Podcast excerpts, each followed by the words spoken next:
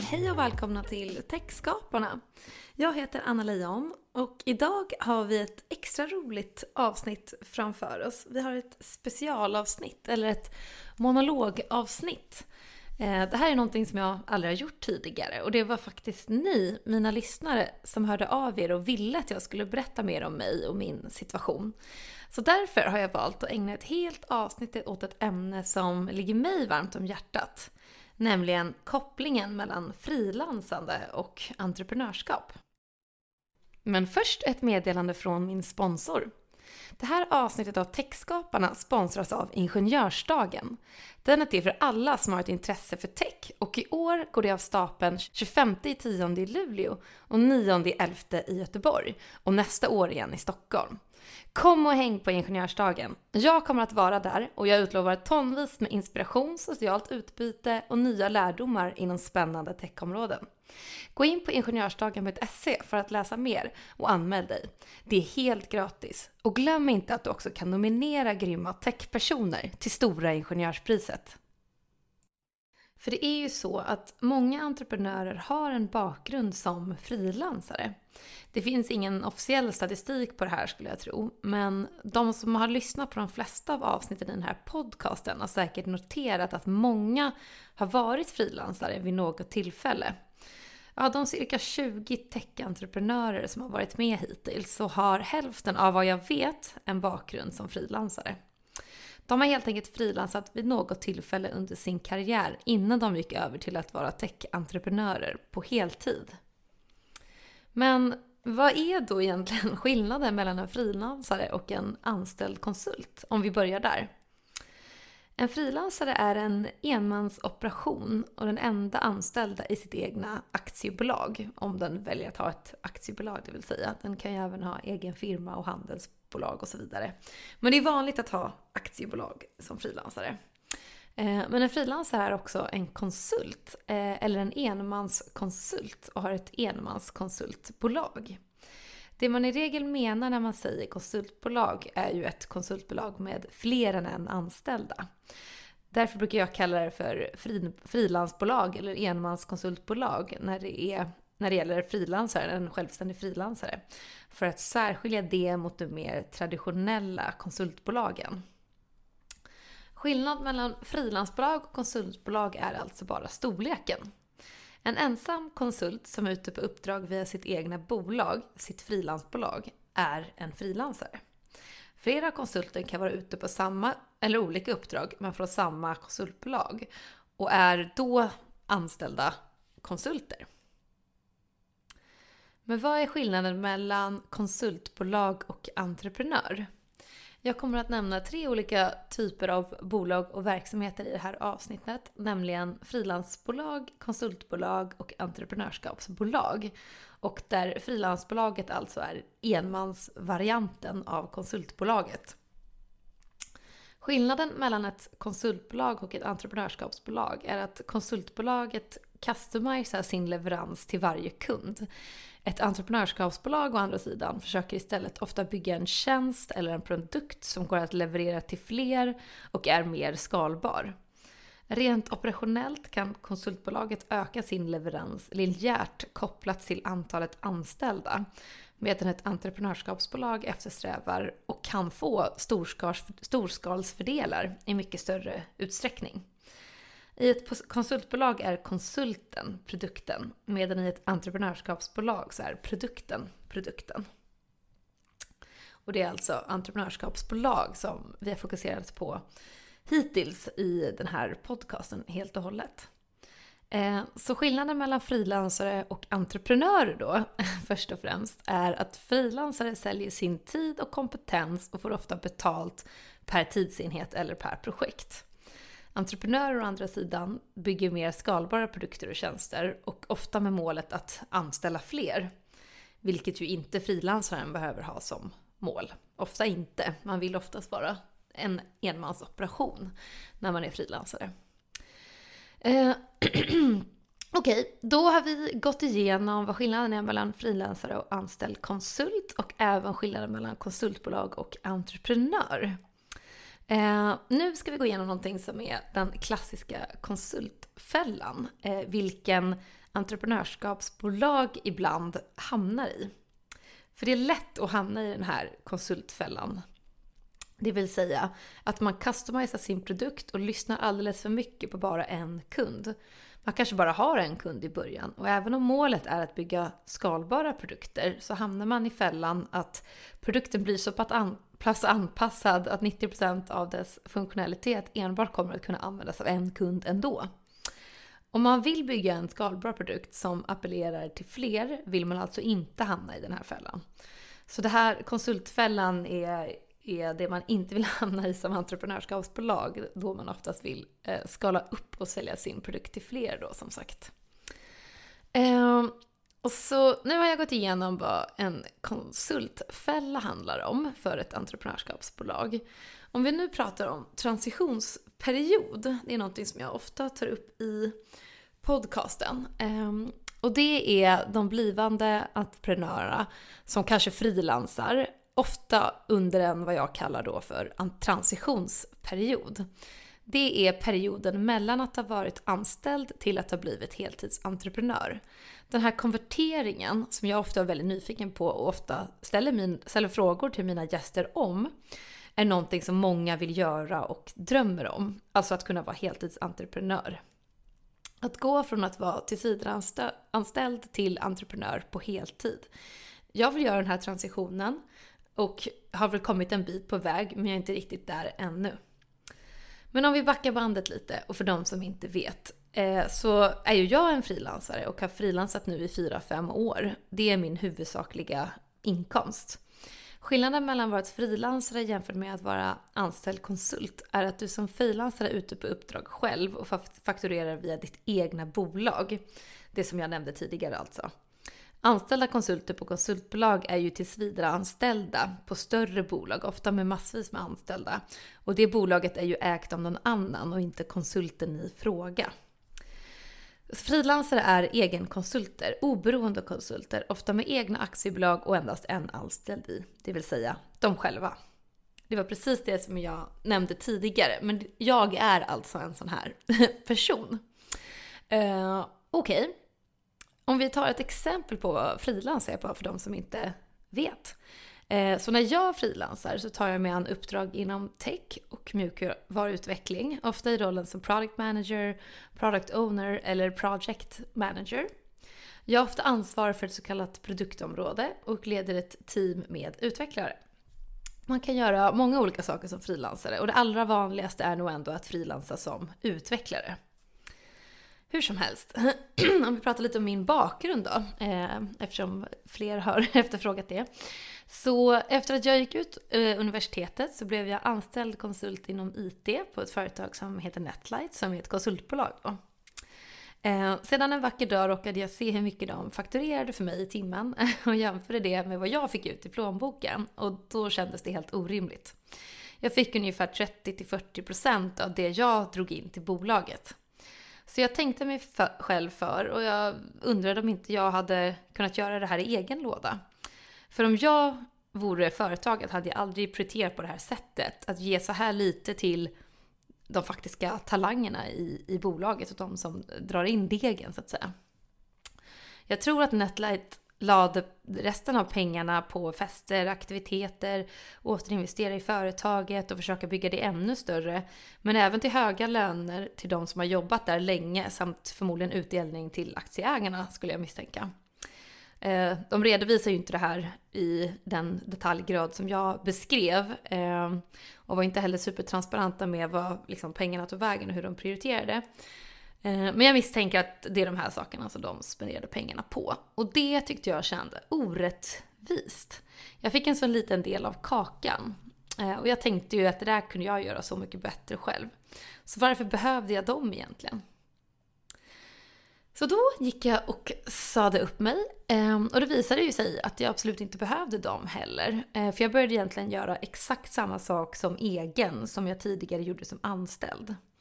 Att gå från att vara anställd konsult till egen konsult är ju främst en skillnad i setup, skulle jag säga. Du fakturerar själv istället för att företaget fakturerar åt dig. Du får in allting själv i ditt bolag istället för att någon annan får det i sitt bolag och du får en månadspeng varje månad som är en bråkdel av totalen. Där och då eh, startade jag lite av ett krig mot de stora konsultbolagen och för individen. Eh, för alla de så kallade resurskonsulterna inom tech tyckte jag lika gärna kunde vara egna. Och jag ville att alla anställda konsulter skulle göra ett aktivt val mellan om de ville vara anställda eller egna, alltså frilanskonsulter. För många vet nämligen inte om att den här möjligheten med att vara egen finns. Och konsultbolagen är ju såklart mycket måna om att försöka fortsätta hålla det så. Så då blev mitt mål helt enkelt att sprida den här informationen. Alla behöver ju inte vara frilansare istället för att vara anställda, men de ska åtminstone veta om att det alternativet finns och göra ett aktivt val. Så jag blev lite ideologiskt engagerad i den här frågeställningen kan man minst sagt säga. Eh, så jag började egentligen skriva om det här och om den här transitionen från anställd till egen eh, som jag själv hade gjort. Och jag skrev om det på min hemsida annalejon.se. Eh, mina texter blev faktiskt väldigt populära och jag skrev en artikel där jag jämförde en anställd konsultslön med en egen konsultslön och visade svart på vitt hur mycket mer du skulle kunna tjäna. Jag har också skrivit en frilansarguide på 17 steg som beskriver hur du blir frilansare. Och jag har även skrivit den omåttligt populära konsultmäklarlistan som samlar alla konsultmäklare som finns i Sverige. Och konsultmäklare är då en typ av mellanhand som hjälper oss frilansare att få uppdrag om vi inte lyckas hitta något själva via våra egna kontakter. De tar ofta 10% i avgift för sina tjänster. Ehm, så med allt det här skrivandet så blev jag lite av en profil inom frilansarvärlden och inom konsultvärlden. Ehm, och tack vare det så fick jag även en del talaruppdrag. Ehm, så jag har ställt upp i många andras podcasts, hållit i föreläsningar, blivit inbjuden att tala på olika tillställningar, gästbloggat, skapat videor och massa annat content. Och jag har börjat tjäna en del pengar på min hemsida och på mina talaruppdrag och på den här podcasten också. Så det är verkligen superkul. Eh, men strunt i det. nu förstår ni lite grann min bakgrund och varför jag är en förespråkare inom frilans. Och ja, kanske den största förespråkaren av frilans i, i norra Europa skulle jag säga. Eh, och varför jag förespråkar den här livsstilen och att skapa förespråkar eller skapa content inom frilansar, frilansande företagande och entreprenörskap. Eh, men vad har då de här tre ämnena gemensamt som det här podcastet podcastavsnittet ska handla om. De här tre ämnena, frilans, frilans företagande och entreprenörskap. Jo, det är nämligen så. Eh, och det är det jag ska försöka, försöka förklara i det här avsnittet. Eh, för jag vill redogöra för fördelarna med att vara både frilans och entreprenör. Det vill säga att frilansa innan och kanske samtidigt som du försöker bygga företag, bygga produkter, startups, egna projekt, vara indie-hacker eller vad du nu vill kalla det för. Att ha en entreprenörskapsambition. För det finns en hel del fördelar med att kombinera just frilans med dina entreprenörskapsambitioner. Och det är det det här avsnittet ska handla om, inte bara om min bakgrund och, och mina ideologiska förehavanden. um, men om vi då eh, pratar om lyckade entreprenörer så har jag nämnt, eh, så har många som har varit med i den här podcasten haft frilansuppdrag vid någon tidpunkt. Alla som har varit med i podcasten bedömer jag som liksom, lyckade entreprenörer. Men vad är då en lyckad entreprenör? Ehm, jag har ju en egen liten definition på det här. Det finns ju ingen liksom, objektiv, eh, universell definition. Ehm, men jag har ju intervjuat företag som omsätter hundratals miljoner och hundratals anställda.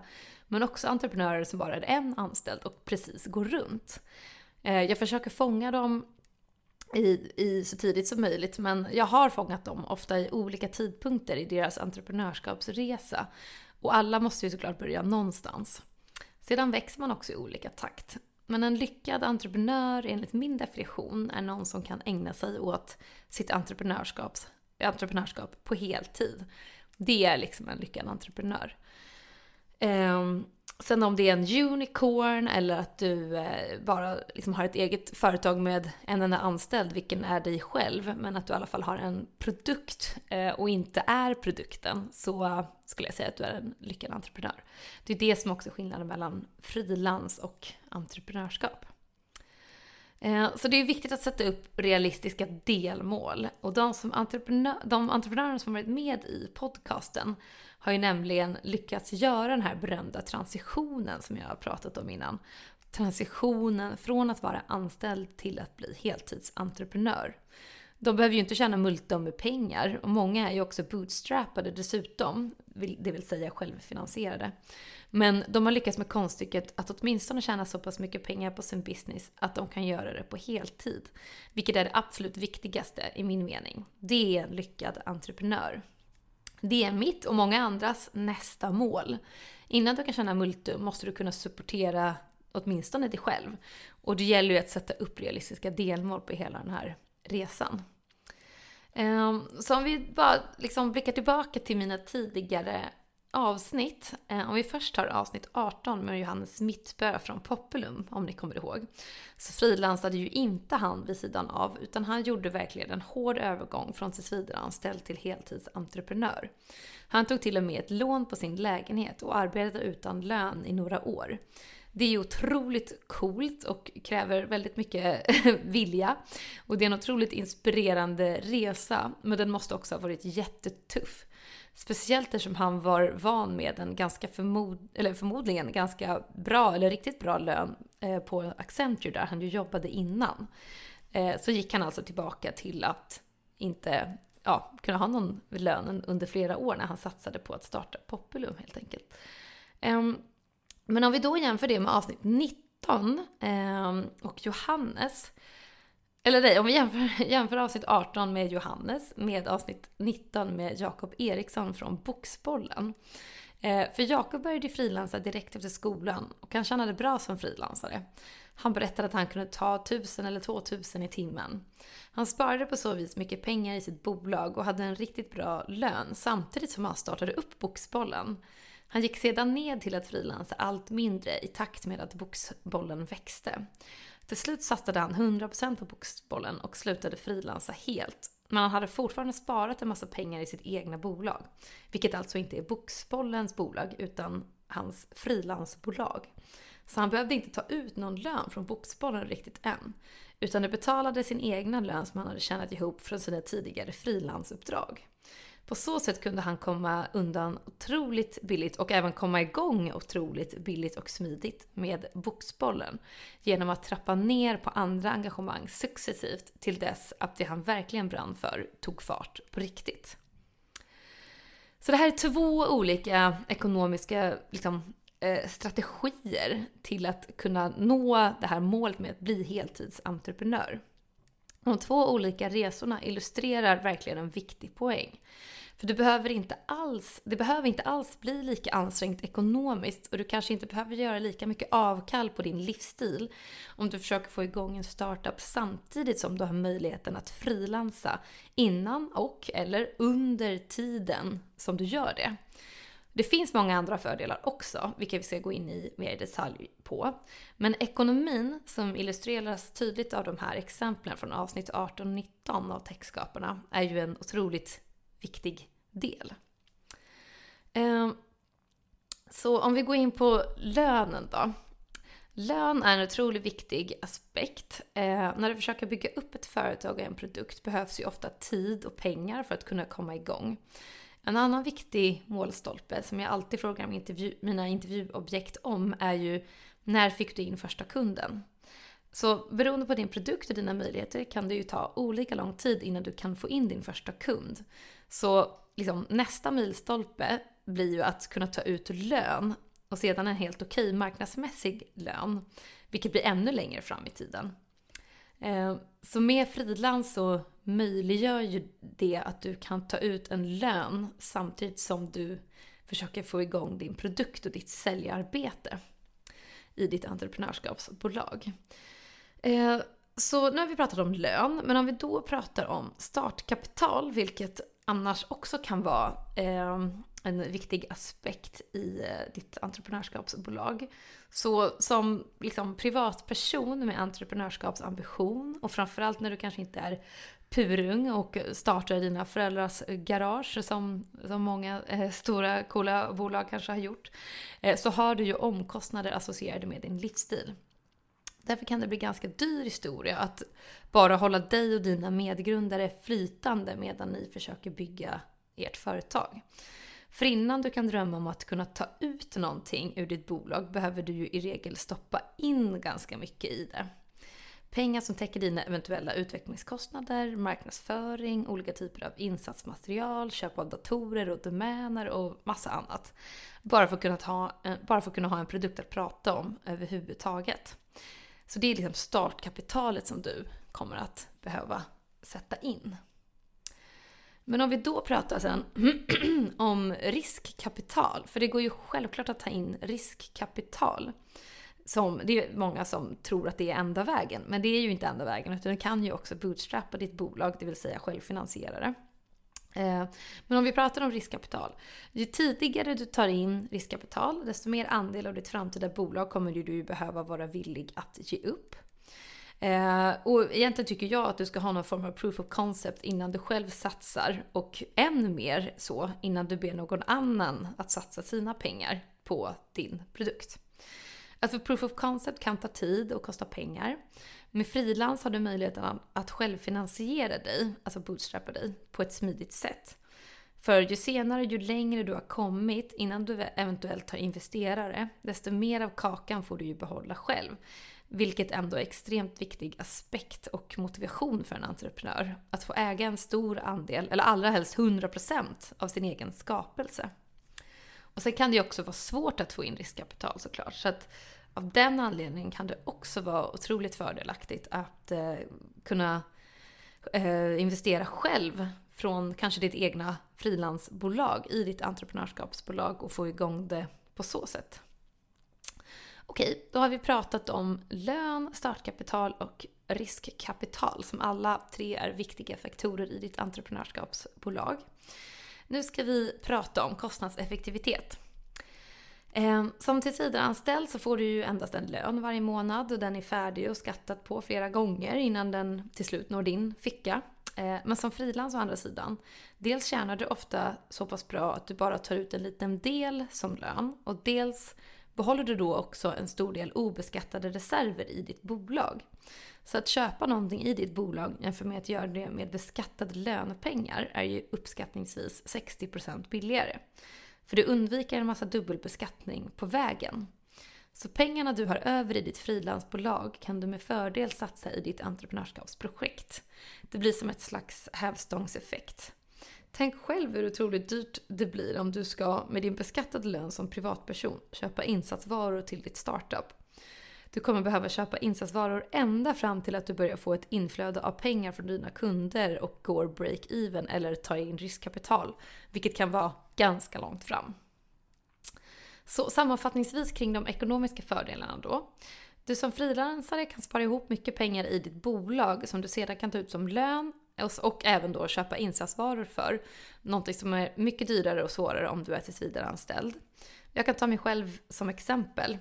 När det har gått ungefär lite drygt halva året och jag har haft ett heltidsuppdrag som frilansare ända fram tills dess så har jag tillräckligt med pengar i mitt bolag för att kunna, för att kunna betala ut normal lön för resten av året plus utdelning.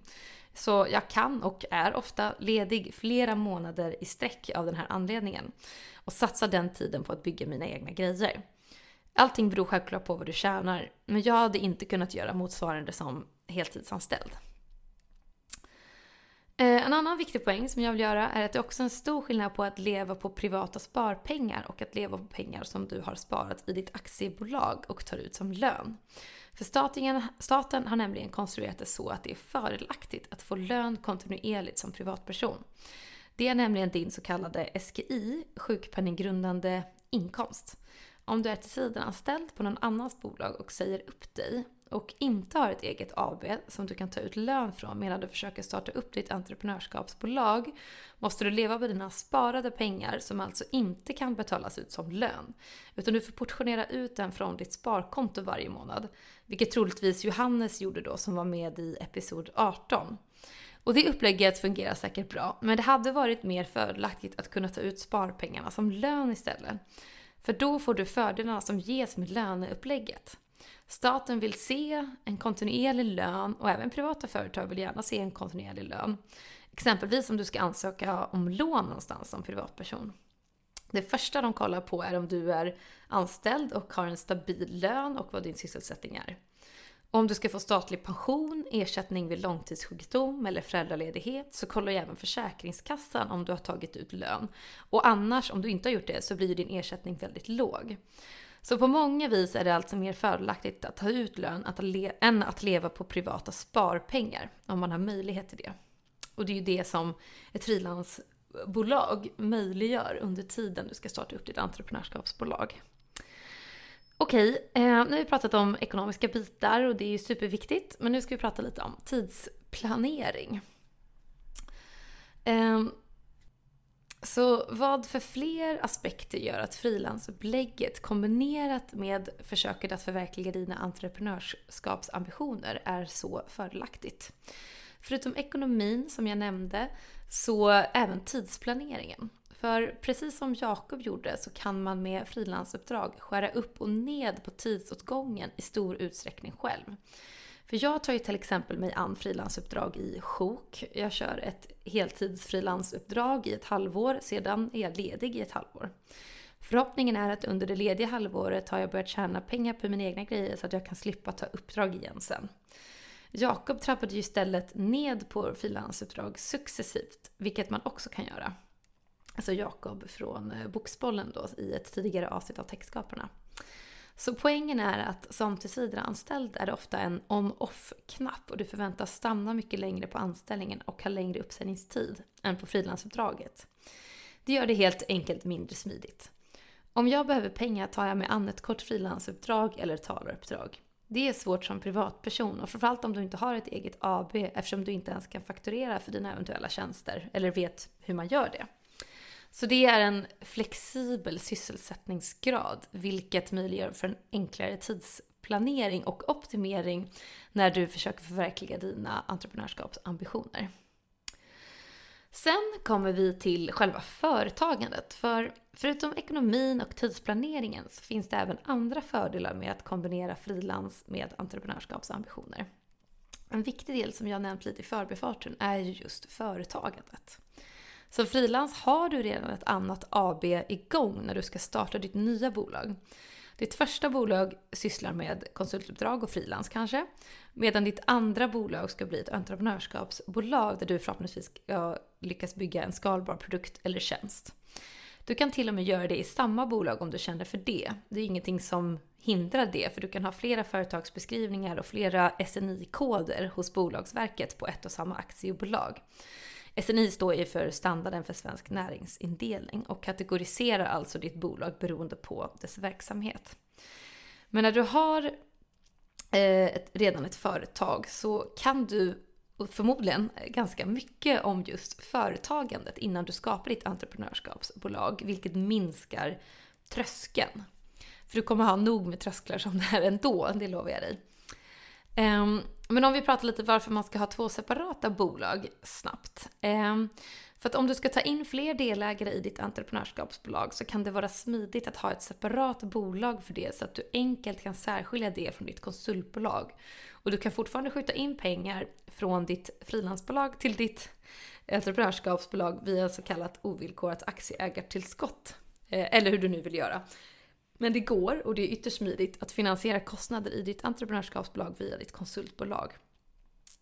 Som du dessutom via ett smidigt upplägg med fördel kan äga via ditt egna frilansbolag istället för att äga det som privatperson. Men nu går vi in i lite allt för mycket detaljer så strunta i det för nu.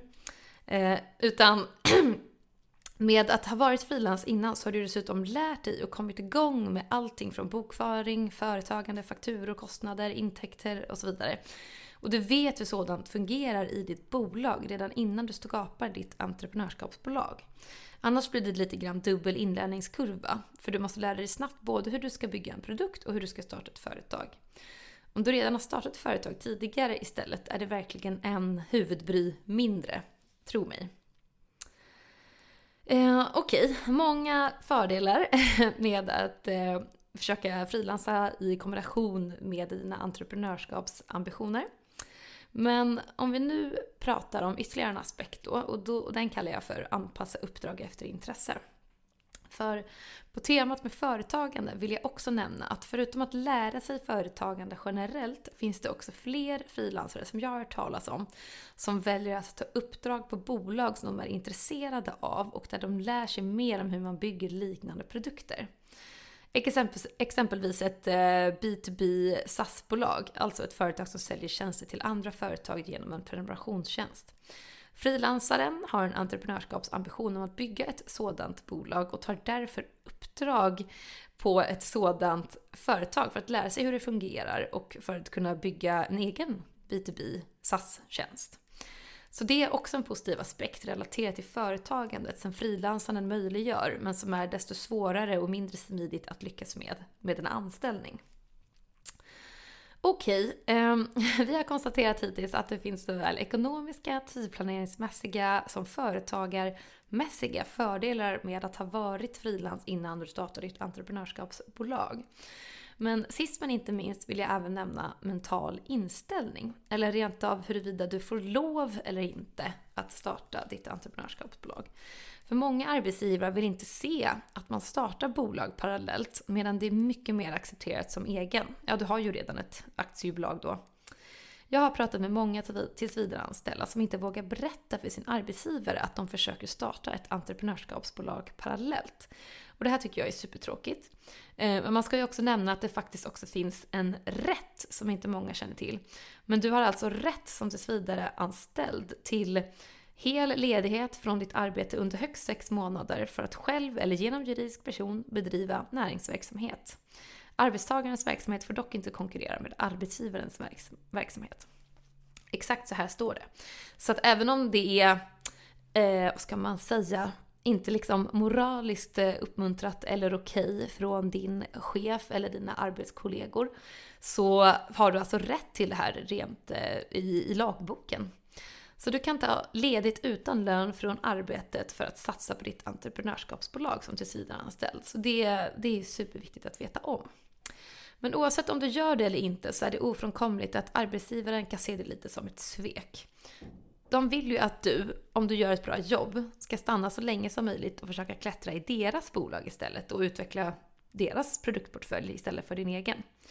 Många som jag pratar med säger att de nästan känner sig lite otrogna och måste smyga med sina entreprenörskapsambitioner eftersom de samtidigt vill hålla sina karriärmöjligheter öppna om det skulle skita sig med entreprenörskapsbolaget då.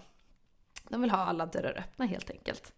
Eh, men det som är bra med frilans är att det finns liksom ingen sådan oro överhuvudtaget. Utan du har ju redan avsagt dig allt vad som kallas climbing the corporate career ladder eller klättra karriärstrappan när du valde att bli helt egen. Det finns inget sådant koncept inom frilans och ingen chef du ska försöka ställa in dig hos utan det finns bara pengar in och pengar ut samt leveranser av produkter och tjänster i ditt frilansbolag. Så din mentala inställning och ditt tänk som frilansare blir mer direkt av en transaktionell art och du ser nyktert på vad arbete, företagande och utbyte av varor och tjänster verkligen är. Du har ett slags företagarförståelse, förståelse för affärer, någonting som du skiljs från och inte utsätts för som anställd. Du behöver liksom aldrig tänka i de här banorna. Eh, och för att inte nämna konkurrensklausulerna som vissa bolag har i sina anställningsavtal. Eh, att du inte får starta aktiebolag och konkurrerande verksamhet eller verksamhet överhuvudtaget som anställd. Ibland måste du vänta ett halvår, ibland längre. Eh, och det här är också någonting som, som hämmar alternativet att ha en heltidsanställning samtidigt som du vill få igång dina entreprenörskapsambitioner. Vilket inte finns som frilansare då. Eh, men när vi ändå pratar om mental inställning så borde jag också nämna trygghet såklart. Som vi alla vet så kan det kännas och vara otryggt att starta entreprenörskapsbolag medan tillsvidareanställning kan kännas väldigt tryggt. Frilans å andra sidan är nämligen någonting kanske mittemellan. Det kan kännas mindre tryggt än en anställning. Åtminstone till en början, även om jag skulle argumentera för att det är mer tryggt långsiktigt än en tillsvidareanställning. Men om vi bara pratar känslor och om vi bara pratar i början så kan frilans kännas mindre tryggt än en anställning. Men jag vågar samtidigt lova att det troligtvis känns mer tryggt än att bara driva ett entreprenörskapsbolag. Så hur mycket man värderar känslan av trygghet, ja det varierar ju från individ till individ. Och vissa kan tycka att det är jätteviktigt. För mig personligen, som är extremt riskbenägen, riskbenägen, har inte det här argumentet spelat så stor roll. Men jag kan tänka mig att det för många andra skulle kunna göra det. Så om du vill ha en mjus, mjukstart och en känsla av en semitrygg setup mellan din supertrygga tillsvidareanställning fram till dess att du har lyckats komma igång med ditt entreprenörskapsbolag så är det helt klart frilans en gyllene medelväg. Okej. Okay. Gud vad jag har babblat. Ehm, men sammanfattningsvis, om du kan frilansa innan och parallellt med att du startar upp ditt entreprenörskapsbolag och försöker förverkliga dina entreprenörskapsambitioner så kan det vara en god idé. Alla har ju dock inte möjlighet till att frilansa. Eh, de flesta frilansuppdrag finns exempelvis inom tech. Men det går ju såklart väldigt bra ändå. Men jag vågar påstå att det blir lite mer av en smooth ride om du lyckas kombinera de här två. Ehm, så vad är det jag har pratat om nu då? Eh, varför funkar frilans och entreprenörskap så bra ihop? Och varför väldigt många som tidigare varit med i den här podcasten och varför många lyckade entreprenörer överhuvudtaget har frilansat at some point innan eller under de startade sitt entreprenörskapsbolag. Allt det här kan alltså sammanfattas i följande aspekter. Eh, frilans bidrar till att du kan ta ut lön, putta in startkapital och göra det extremt kostnadseffektivt. Nämligen så kostnadseffektivt som det kan bli. Genom att helt enkelt undvika så mycket dubbelbeskattning på vägen som möjligt. Och möjliggör alltså för att du ska kunna självfinansiera eller bootstrappa i början. Och så länge som du vill och kan ditt entreprenörskapsbolag. Så förutom ekonomiska har vi också tidsplaneringen, då frilans möjliggör att du successivt kan starta ditt bolag och gå över till det i takt med att det växer istället för att behöva göra ett hårt avslut med din tidigare sysselsättning. Att från en dag till en annan gå från, försöka gå från 0 till 100. Sedan har vi själva företagandet, någonting som du, om du har entreprenörskapsambitioner, behöver lära dig förr eller senare. Och som du får gratis om du har frilansat innan. Du undviker på så sätt dubbla inlärningskurvor, både för att bygga bolaget rent tekniskt och starta bolaget rent praktiskt. Sist men inte minst vill jag också nämna mental inställning. För huruvida du rent av får eller vågar följa dina entreprenörskapsambitioner samt din känsla av trygghet. Och många arbetsgivare kan ju se det som ett svek, något som kan vila tungt på dina axlar om du tidigare har känt en stor tillgivenhet till din arbetsgivare. Många vågar inte berätta om sina ambitioner för sina arbetsgivare och smyger med det. Det här gör det svårare att våga starta ditt entreprenörskapsbolag såklart.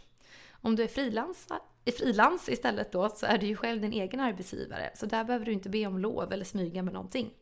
Sedan har vi även känslan som är associerad med trygghet. Så som jag nämnde kan tillsvidareanställning kännas väldigt tryggt. Och att satsa på sitt entreprenörskapsbolag skulle kunna kännas väldigt otryggt. Men där frilans är då en typ av gyllene mellanväg. Tryggheten kan upplevas som högre än att satsa fullt ut på entreprenörskapet men lägre än tillsvidareanställningen. Det blir en mjukare övergång. Så om trygghet är oerhört viktigt för dig kan det vara ett bra argument att försöka frilansa innan du satsar heltid på ditt entreprenörskapsbolag. Okej, i hela avsnittet hittills har jag babblat om allting som är positivt. Men det finns såklart negativa aspekter med att försöka kombinera frilans med dina entreprenörskapsambitioner. Och alla kan ju inte frilansa heller, som jag nämnde innan, utan det hänger ju på tillgång och efterfrågan och hur pass attraktiv din kompetens är på arbetsmarknaden. Finns en hög efterfrågan och en liten tillgång brukar det kunna finnas frilansuppdrag. Och som jag sa tidigare är det allra vanligast att frilansa inom tech och som utvecklare. Andra negativa aspekter med frilans är ju också att det är så tryggt så du kanske inte känner samma kniv mot strupen med att komma igång med ditt entreprenörskapsbolag som du skulle göra om du, om du sade upp dig från en dag till en annan. Det kan ju vara positivt för utvecklingen av bolaget men kanske negativt för din hälsa att känna den här stressen. Så att frilansa samtidigt kan definitivt göra entreprenörskapsbolagets framfart lite långsammare. Utöver det är det också negativt med arbetsbördan såklart, som det innebär att ha två bolag igång samtidigt. Och speciellt om du gör allting bokföring själv. Vilket såklart medför merarbete med två jämfört med ett bolag. Så det finns lite negativa aspekter med att kombinera frilans och dina entreprenörskapsambitioner såklart. Okej, okay. eh, om vi bara återkopplar lite kring mig som jag pratade om i början av avsnittet så eh, hoppas jag att jag har fått dig att förstå varför så många entreprenörer har en bakgrund inom frilans. Och om ni kommer ihåg avsnitt 4 av podcasten med cyber cowboysen Ted Valentin och Jonathan Heyman så rekommenderade de ju faktiskt eh, rakt ut att kombinera frilans med entreprenörskap. Det är även många andra som gör och så även jag. För jag tycker att det är ett smart upplägg och för mig har det varit helt och hållet en segway till helt, heltidsentreprenörskapet. Jag kommer inte sälja min tid för pengar för evigt som frilans. Det är liksom en sak som är klar. Däremot känner jag ganska bra som det, så det, ibland får jag krypa till korset och riva av några månader på ett uppdrag. Men mitt mål är helt klart att få igång alla mina andra grejer så att jag bara kan jobba med dem. En vanlig milstolpe och entreprenörskapsambition är ju att komma upp i den omsättningen som krävs för att man ska kunna ta ut en marknadsmässig lön åt sig själv. Vilket jag då kallar för att kunna göra transitionen till heltidsentreprenör. Och är ju också det som jag definierar som en lyckad entreprenör, som jag började prata om i det här avsnittet. Eh, och efter att man har lyckats med det så kommer ju såklart nästa mål och nästa mål också. Men det är ett extremt viktigt delmål på resan som jag värderar väldigt högt. Och som är min nästa milstolpe. Eh, Okej, okay. men som jag sa, frilans behöver ju bara vara en skillnad i just setup mellan en anställning som konsult och egenföretagande. Du fakturerar ju själv från ditt egna bolag istället för att någon annan betalar dig en månadspeng från sitt. Men det kan alltså också vara en segway till att förverkliga dina entreprenörskapsambitioner av alla de anledningarna som jag har nämnt i det här avsnittet. Det går alldeles utmärkt att inte välja frilansvägen, men jag vill bara illustrera att, det, att den finns och varför så många väljer den. Sedan är det såklart helt upp till dig. Många som lyssnar på den här podden har, liksom jag själv, entreprenörskapsambitioner eller är nyfikna på entreprenörskapslivet. Och därför vill jag djupa och förklara det här frilansupplägget en gång för alla och varför så många kombinerar det med entreprenörskapet. Men först ett meddelande från min sponsor. Det här avsnittet av Techskaparna sponsras av Ingenjörsdagen. Den är till för alla som har ett intresse för tech och i år går det av stapeln 25 10 i Luleå och 9 11 i Göteborg och nästa år igen i Stockholm. Kom och häng på Ingenjörsdagen. Jag kommer att vara där och jag utlovar tonvis med inspiration, socialt utbyte och nya lärdomar inom spännande techområden. Gå in på ingenjörsdagen.se för att läsa mer och anmäl dig. Det är helt gratis. Och glöm inte att du också kan nominera grymma techpersoner till Stora Ingenjörspriset. Okej, nu börjar vi komma till slutet av det här avsnittet. Ehm, men det jag vill önska er är stort lycka till med alla era projekt och ambitioner där ute. Och om ni har frågor om frilans, företagande eller entreprenörskap så kan ni ställa dem i mitt forum, Annalejon.discourse.group. Ehm, och jag svarar på allting som ställs där. Ni kan också gå in på min hemsida Annalejon.se och eh, hitta forumet den vägen och även läsa mina, alla mina artiklar till exempel frilansarguiden om ni skulle vilja bli frilansare, om ni blev taggade eh, på det av att höra det här avsnittet. Och glöm inte bort att prenumerera och där det går, ge betyg på podden och feedbacka gärna till mig kring vad ni tyckte om det här avsnittet och om jag ska göra fler specialavsnitt eller hålla mig till att intervjua lyckade tech-entreprenörer. Eh, jag har också funderat på att göra ett avsnitt där jag berättar om mina misslyckade och lite mer lyckade entreprenörskapsprojekt som jag har drivit själv också. Eh, även om jag på intet sätt vill kalla mig för en lyckad entreprenör än. Ehm, så skulle, kanske det skulle vara intressant att höra.